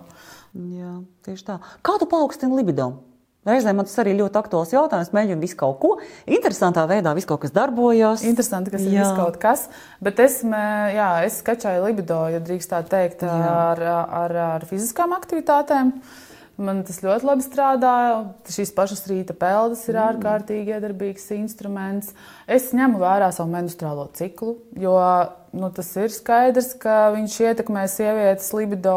Tad, kad viņš ir šī pēcovulācijas periodā, noteikti tā seksuālais, seksuālais pēc mēneša reizēm šis seksuālais drives būs pirmajā fāzē daudz augstāks nekā tad, kad tuvojās ovulācija. Nu, kaut vai tāda elementāra lieta, jo mēs saprotam, tad, tad arī to libido mēs varam tik ļoti nu, nemocīt. Ja mums mhm. nav, ka Dievs ar Dievs, man divas nedēļas negribās seksu, laikam man, man kaut kas nav kārtībā. Nē, nu, paskaties, kur tu esi savā menstruālajā ciklā, visticamāk, tā būs viena no atbildēm. Uh, tad kas vēl? Nu, man patīk visādi piedzīvojumi, bet tie vairs nav tie trakie bohēmiskie piedzīvojumi. Mm -hmm. Es atradu kaut kādus savus citus veidus, garie pārgājieni, ceļojumi, labas grāmatas. Uh, nu, tas pats kino. Kino ir ļoti labs iedvesmas avots faktiski. Ei, tāds nu. gaumīgs, jā, gaumīgs erotiskais kino ir vienkārši oh, iedarbīgs. Kino, jā, protams. Jā, tur Tinto Brasas, piemēram, manuprāt, ir viens no favorītiem, kurš jā. ļoti gaumīgā veidā prot to izdarīt. Nē, porno, jā, porno arī var skatīties, bet tas ir kaut kāds tehnisks tāds demonstrējums, eh, kas arī, protams, izdara savu darbiņu, bet, eh, ja gribās to iztēli paplašināt un, un to libido tieši tā sašūpot vairāk, tad, man liekas, erotika ir iedarbīgāka, erotiskais kino. Tu skaties porno? Es reizēm skatos, jā, kad man vajag ātru rezultātu. Tiešām? Jā, Un palīdz? protams. Es arī sievietēm iesaku to kā vienu no metodēm, tad, ja viņas nespēja orgasmu sasniegt. Man liekas, tas tikai vīriešu instruments. Nezinu, cik es esmu vecmodīga. Jā, un no tā nav jākaunējās. Vienkārši atkal ir jautājums par to, kāda veida porno tu skaties. Nu, viņš nav vairs tik brutāls kā savulaik tas ir bijis. Un kāda priekšstata mums par to ir saglabājušies, ir tas saucamais ētiskais porno, kas ir nu, tuvu tādam amatieru porno līmenim, un tur ir pat savs stāsts apakšā, nu, kas jau varbūt pat pielīdzināms nedaudz tam erotiskajam kino. Bet nu, daudz atklātākas ir šīs seksainas, protams. Jā. Vispār spriežot pēc tavas grāmatas personāžu vārdiem, es pēkšņi sapratu, kā tu varētu būt redzējusi vācu porno tādu konkrētu, tāpēc ka viens ir Hans, Kurts, Karls, un tad, kad eh, viens no viņiem beidzot, jā, jā, jā, Jā, tā bija neveikla seksa poza, epizodes piekrītu. Bet par vārdiem tas ir, eh, tas ir pilnīgi savādāk. Īsnībā tie ir reāli personāži, kuru vārdus es nedaudz pārveidojusi. Savukārt Hans tiešām bija viens. Ansis. ā, Hans, ne, Hans bija vācu, vācu, vācu tautības īrietis. un, ā, Viņš bija vienu labu laiku mans tāds labs paziņa, arī taisnība, kā es arī grāmatā aprakstu, kurš manī iekāro un visādos veidos to liek saprast un aicina man uz Vāciju dzīvot, bet tā mums tur nesaslēdzās no ķīmijas. tāpēc viņš parādījās, jo viņš parādījās kā ne no kurienes un nekur arī pazuda. Taisni tā, jā, kā dzīvē. Miglā. Aizgāja miglā. Jā, nu viņš ne, nepiedalījās spēlē, loģiski, kur gan viņš varētu parādīties. Nu, jā, nu jā, skaidrs. Cēlīte, aizceļoja viena. Jā. Tomēr Jā. nu, vismaz ar savu nodomu vai apziņu. Jā, pir, nepajautājot, uz kuriem viņi brauc, bez, bez jebkāda lauziena. Ah, tagad es esmu šeit. Kur? Nevar, nevar saprast. Nu, labi, ok. Nu, tas bija speciāli tā, tā, tā, Labi, tāds bija šis labi, spēles labi, labi. nolūks. Mm -hmm. Ļauties nezināmajam, ko arī es, protams, iesaku cilvēkiem reizēm arī dzīvē darīt brīvāk, ļauties šim nezināmajam. Tā arī ir mil- tas milzīgs bloks, ko mēs paši uzliekam. un Tad arī to pašu piedzīvoju arī. Šajā novembrī, kad devos prom no darba, bija spilgts piemērs. Es cilvēkiem Jā. iesaku rotaļāties, ļauties, bla, bla, bla. Un tad, hops, man nonāk dzīves situācija, Ieva, ko tu tagad darīsi? Situācija ir sekojoša. Un, tad pašam ļauties ir ārkārtīgi grūti faktiski. Bet, Es sapratu, gluži tāpat kā Salija, ja es to neizdarīšu, es, es, es sev nepiedošu. Nu, es būšu baigi nodarījis pāri. Jā, šis moments ir tas, kas mani. Uh, Nu, burtiski galina nost, tik līdz es kādam sniedzu kaut kādu padomu, jā, kā momentā karma man parāda situāciju, kur es esmu šajā galvenajā lomā, un tagad man ir jāizvēlas. Tā, oh, šī, nu kāpēc? kāpēc? Kas ir tas? Vai tad tiešām nevar vienkārši parunāties? Nē, nevar. Tu nebaidies, ka esot par seksu koču, tev dzīve piespēlēs aizvien jauns izaicinājums. Tu vari palīdzēt citiem cilvēkiem, jā, viņi aiziet pateicīgi, un tu tāda oh, pie sasistas silas. Nebaidies. Man nav sasistas silas sajūtas, jo kaut kā es esmu sajūta, ka man nu, rīktīgi gribās tiem cilvēkiem palīdzēt. Es nezinu, kāpēc, neprasiet man. Man vienkārši tā sajūta ir, un, uh, un reiz, kad tas izdodas, un kad klienti atgriežas, un, un ka viņi atraksta kādu foršu atsauksmi, tas man nu, baigi uzlādē. Man pat īstenībā nauda tā neuzlādē, kā, kā, kā tā mīļiedarbība ar cilvēkiem. Nu, tas ir kaut kas fantastisks. Man ļoti, ļoti tas patīk, un tāpēc par sasistu silu es nesatraucos. Nē. Un galu galā Protams, ka var arī neizdoties kādas no mūsu apņemšanām vai mērķiem, bet uh, cilvēkiem jāsaprot tas, ka ne jau es viņus ārstēšu. Es varu būt tāds līdzgaitnieks, kas palīdz to ceļu atrast, bet jādara būs pašam. Un tas ir reizēm tas, ko varbūt arī mani klienti kaut kādā sesijās nav sapratuši. ka viņi Tā, nu, kādu jaunu lubrikantu tu man ieteiksi ar tādu pārākumu sajūtu vai tādu lecīgumu vai kaut kādu tādu, nu, kas liekas. Kāpēc tu vispār šeit atnāci, ja tāds ir tavs uzstādījums? Tā Kā jādara jau vien pašam, es varu vienkārši palīdzēt ar tavu, to, ko es zinu. Es varu palīdzēt. Kam tu neesi varējusi palīdzēt? Es neesmu varējusi palīdzēt. Manā praksē bijuši tikai divi cilvēki, kam es neesmu varējusi palīdzēt. Bet es laikam arī negribu neko dziļāk stāstīt, jo tas stāsts ir ļoti tāds smags, smags gadījums. Un, uh, jā, skumjš, ļoti skumjš stāsts. Un, un, un, un es vispār nezinu, kāpēc mums bija jāstiekās. Jo, mm, nu jā, var sakot, nu, es pašā vairāk par to negribu runāt. Tas bija tāds, jā. Zini, kas vēl ir interesanti tavā specialitātē, pie tevis nāks arī maniaki. jo, viņi nāks pie tevis vienkārši, lai ar kādu parunātu par. Mm. Ir jau tā gadījies? Mm. Man ir Facebookā raksta laika pa laikam visādi dīvainīši, bet tiešām oh. dīvainīši. Un, bet, paldies Dievam, es tādā citādākā ziņā esmu bijis pasargāta, bet es arī esmu ļoti nu, skaidri norādījis to, ka man ir attiecības un, un ka es viņās esmu laimīga un, un, un man nekādas tur interesantos piedāvājumus sūtīt. Līdz ar to es domāju, ka cilvēki izvairās. Es nezinu, varbūt es kaut ko nepareizi saprotu, bet man nav tādas pieredzes. Man vienā brīdī bija kaut kāda neliela paranoja par šo tēmu, protams, mm -hmm. īpaši, kad Kristīna Baloda saka, nu jā, tu taču saproti, ka vieni tevi uzskatīs par mauku, citi tevi uzskatīs par uh, tur baigo eksperti, un nu, kaut, kā, kaut kāds pa vidu jau nebūs pa lielam. Mm -hmm. uh, bet, uh, bet es tā, varbūt es kaut kā to Cen, arī necenšos, ne, nelaižu sev klāt. Varbūt tur arī ir. Nu, Profesionāli. Vai varbūt jūtu. Es nezinu, jā, es droši vien arī jūtu. Man kaut kā arī ir pilnīgi skaidrs, kad es ieraugu cilvēku kā tādu. Viņa seju, viņa izturēšanos, man diezgan mm -hmm. daudz kas ir skaidrs. Es, tu tā paldies, paldies. atpakaļ. Nav jau pēc tam, tā kā jā, paldies, okay, visu jā, jā, gaiši, jā. jā. Un šobrīd konsultācijas notiek pārsvarā attālināt, līdz ar to arī, nu tā, tā, esi pasargātāks bišķiņā. Jā ir bijuši, kas man aicina parciņā pastaigāties, un tādi pavisam jocīgi cilvēki, tad es vienkārši atsaku tādas konsultācijas. Ja es jūtu, ka man nav komfortabli ar to cilvēku sarunāties, tas ir par to, kāda ir saruna. Jā. Protams, visi manieki ir diezgan arī avansēti, kā mēs zinām, var būt. Protams. Mm, bet, bet nu jā, tad attālinātais. Un... Ko tavs vīrietis par to saka? Mīļā, cik labi, ka tu atnāc no darba, kā gāja, cik maniaku šoreiz. ne, nu, viņš ir ārkārtīgi atbalstošs. Ja? Jā, es esmu, es esmu ārkārtīgi pateicīga, ka mēs esam satikušies, un uh, viņš ir tikpat nu, tajā savā seksualitātē viņš ir tikpat avansēts kā es. Līdz ar to mums ir diezgan viegli un brīvi par to runāt. Nav nekāda nosodījuma, jo man ir bijušas iepriekš arī tādas attiecības, kur nu, tas totāli tika kā, uzskatīts par uh, āršķirību, vienkārši izrādīšanos vai, vai, vai slimību, vai priekš kam tas tev vajadzīgs, dzīvo laukos, ravē dobes un visādi tādi gadījumi. Tā kā... Baigi mīļi. Ir visādi gadījumi, protams. Bija. Es domāju, viņš ir priecīgs. Tu taču noteikti trenē uz viņa savas coachinga metodas. viņš teica, ka tas ne, jā, viņš, to, esot, viņš to dažkārt jūtot, un es tur atkal ieslēdzu savu psihologu. Bet jā, tā, es domāju, ka nu, mēs abi varam būt no tā ieguvēji īstenībā. Mm. Nu ko, nopaļojoties. Tavas domas par nākotnes seksu. Tev bija tāds šausmīgs, smieklīgs Instagram laivs par nākotnes seksu ar, ar, ar ļoti dīvainu, interesantu cilvēku.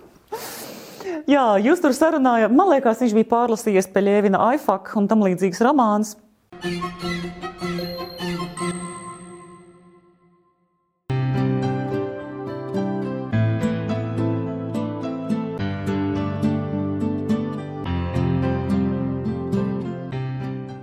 Um, grūti spriest. Mm. Uh, Andris Geste ir ļoti labs mans draugs. Viņš, viņš arī ir uh, psihoterapeits, astrologs, viņš ir spoguļošanas metodas autors. Uh, tā ir tāda psihoterapijas metode. Uh, es viņu arī pat esmu izgājis ļoti jaudīgi. Bet, uh, jā, bet viņš par šo tēmu ļoti daudz interesējās. Man pašai arī vienā brīdī radās jautājums, kā tad būs? Nu, kā? Jo mēs redzam, ka tas, nu, tas virtuālais ir tik rīktīgi dominē tagad. Un, uh, tādiem nu, 25 plus cilvēkiem, arī manai meitai, tā skaitā, mēs esam runājuši par seksuālitāti. Viņa saka, man tas neinteresē tā baigi vispār. 25 plus neinteresē? Ne, viņa nav 25 plus, viņa ir 20 plus. Jā, bet, tā, jā viņa, tā, tad, viņa saka, viņai viņš, nu, tā, tas nav pats svarīgākais. Viņa, viņa to dzīvi kaut kā piepilda citādākos veidos. Man ir grūti spriest. Nu, es, es domāju, ka tas būs izaicinājums. Nu, tās attiecības, cilvēciskās attiecības būs izaicinājums. Un to jau mēs redzam pēc tās šīs pašas Āzijas, kur šī vientulības epidēmija ir reāla. Un kur cilvēki nesarunājas savā starpā. Es Japānā metro braucu uz lidostu. Un, un cilvēki ir katrs pats par sevi kaut kādā tādā savā kapsulā. Viņi, viņi vispār neredz tevi otru. Nav. Tevis nav. Un... Nu, kā iepazīties? Nu, tikai, protams, digitāli, tikai tā, ja, bet jā, droši vien tā arī tiks eh, tās attiecības turpinātas. Nu, jā, jo... Un iespējams, ka tā būs norma. Tad mēs esam, varbūt būs, skatīsimies tādu nu, dinozauri, kuri vēl to dara vecā veidā. Varbūt tas būs tas veids, kā tas mm. skatīsies pilnīgi normāli un skaisti savā ziņā. Kas to lai zina? Tieši tā, man ir baigais lauciens. Teiksim, nu, pagaidām ļoti vecmodīgi man raksta, teiksim, džeki, jā, un aicina uz tikšanos. Un es domāju, jā, nu es labprāt, kā brīva sieviete šobrīd. Jā. Mm. Bet es saprotu, ka, nu, teiksim, paskatoties Facebook bildi vai, teiksim, nu, sarakstoties, tā ir viena lieta, bet tad es ieraudzīšu to reālo cilvēku. jā, man liekas, nu, vai nu tu uzreiz sajūti, jā, nu, kaut kādu, nezinu, kaut kāds fluīds, kaut, kaut kāda kopība, ja tā, nu, sasitās intereses mm. kopā. Un pēc tam, vai nu nē, jā, un tad tu staigā tālāk, jā, nezinu, pa parciņu. Uh, Ar to virtuāli ir ļoti, ļoti trikīgi, es teikšu, jā. jo pēc bildēm mēs nevienam varam pateikt, kas tas cilvēks ir. Un arī ar Ediju iepazinos uh, Tinderī vienkārši tā skrolējot cilvēkus un visus spiežot laiku. Arī tu Tinderī? Oh. Es biju, es Tinderī iepazinos, jā. Vēl viena man draudzene, kas Tinderī iepazīstas. Ļoti daudz, nu tur pārstrādā cilvēku šobrīd iepazīstas, protams. Un tur atkal ir man vesels viens Instagram lives, kur var paskatīties par šo tēmu. Un uh, tur ļoti daudz stereotipu, par ko mēs runājam Tinder sakarā un, un kā no viņiem atbrīvoties un ko tehniski atkal darīt, lai uh, šos veiksmīgos cilvēkus satiktu un piemērotos. Bet redz, kā ir. Tad, kad tu dzīvē satiesi ar cilvēku, tā ir pilnīgi cita lieta. Tā bilde vispār ir tāds apmāns, tā ir fikcija. Jā, no. Tā ir tikai tava iedoma. Un plus, vēl tu esi ielicis kaut kādu savu ideālo vīrieti kaut kādā kastītē, kā tev šķiet, kādam viņam jāizskatās. Latviešu sievietēm tipiski patīk tātad uh, skandināvu tipu vīrieši ar atletiskiem augumiem, tur blondiem matiem, zilām acīm, tur vēl kaut kādu, vēl kaut kādu, vēl kaut kādu. Un itāļi. Mm, nu, varbūt. Man, jā, bet skandināvu tipu vīrieši tomēr jā. vairāk kaut kā iezīmējas. Un es arī pati tajā kastītē, protams, biju. Un, attiecīgi, Tinderī tu arī meklē tieši tādu tipiešu, un tādu tur nav. Tā kā baigi Šā. daudz nav. Bet skaties, kas pa lietu. Vīriešiem tās bildes ir pilnīgi nesvarīga lieta. Viņi tur kaut ko ātri iemauc. Uh, Viņi nedomā par to savu nu, tā, Tinder tēlu tik ļoti kā sievietes. Ah, tu domā par savu bildi? Tinderī. Jā, jā, jā. Es domāju, sieviešu bildes ir svarīgākās. Nē, sieviešu bildes, jā. sievietes oh, ļoti cenšas bildi. un pārcenšas, okay. bet viņi vispār jā. nemaz necenšas. Nu, reti kurš, un ja viņš jā. ir pacenties, tad tur ir aizdomas par to, ka viņš pats ir fotogrāfs, vai nu viņš ir narcis, vai nu viņš ir tur vēl kaut kas, nu, kas vēl varētu modelis, piemēram, vai ge un gejs, jā. Un, un tāpēc es uztaisīju pati eksperimentu. Es vienkārši skroju bez mazliet visiem, nu, kas man likās, ka nu, galīgi neriebjās. Es klikšķināju sirsnīgas virsū un apstiprināju. Un, Tā es satiku Ediju, jo viņš pēc tās bildes likās, nu kas tam miglaina kaut kāda, un kā viņš stāv, un, un, un, un tā žakete pa īsu liekas. Nu, es neizvēlētos tādu godu vārdu pēc bildes, es tādu vīrieti neizvēlētos. Bet dzīvē tur pilnīgi cits. Viņš nāk pretī man tāds staltais skandināvu čalis vienkārši nāk man pretī. Ak, Dievs! Tā kā jā, bildes. Tas ir veiksmīgs stāsts. Lai gan vispār, jā, es arī saku zem guloša akmens, ūdens netek. Mm. Visus svaipot pa labu un skatīties, jā. kas no tā sanāks. Jā, precīzi. ja, prieks bija ar tevi šodien parunot. Paldies. Apusē, paldies par zēnu. Aicinu uz trešās grāmatas prezentāciju. Pusauģiem. Man pusauģi ir, viņiem arī vajadzēs. Jā, tāpēc tas ir pasūtījums. Ū, jā. Labi, ņemšu vērā pasūtījums. Es lieku uzreiz ķerties pie izpildes, nevar prokrastinēt. Tā, lai cik mēs esam izpildīgi. Un galvenais ar mātes jūtam. Mm -hmm, tā ir. Paldies! Līdz nākamajai reizei, draugi! Čau!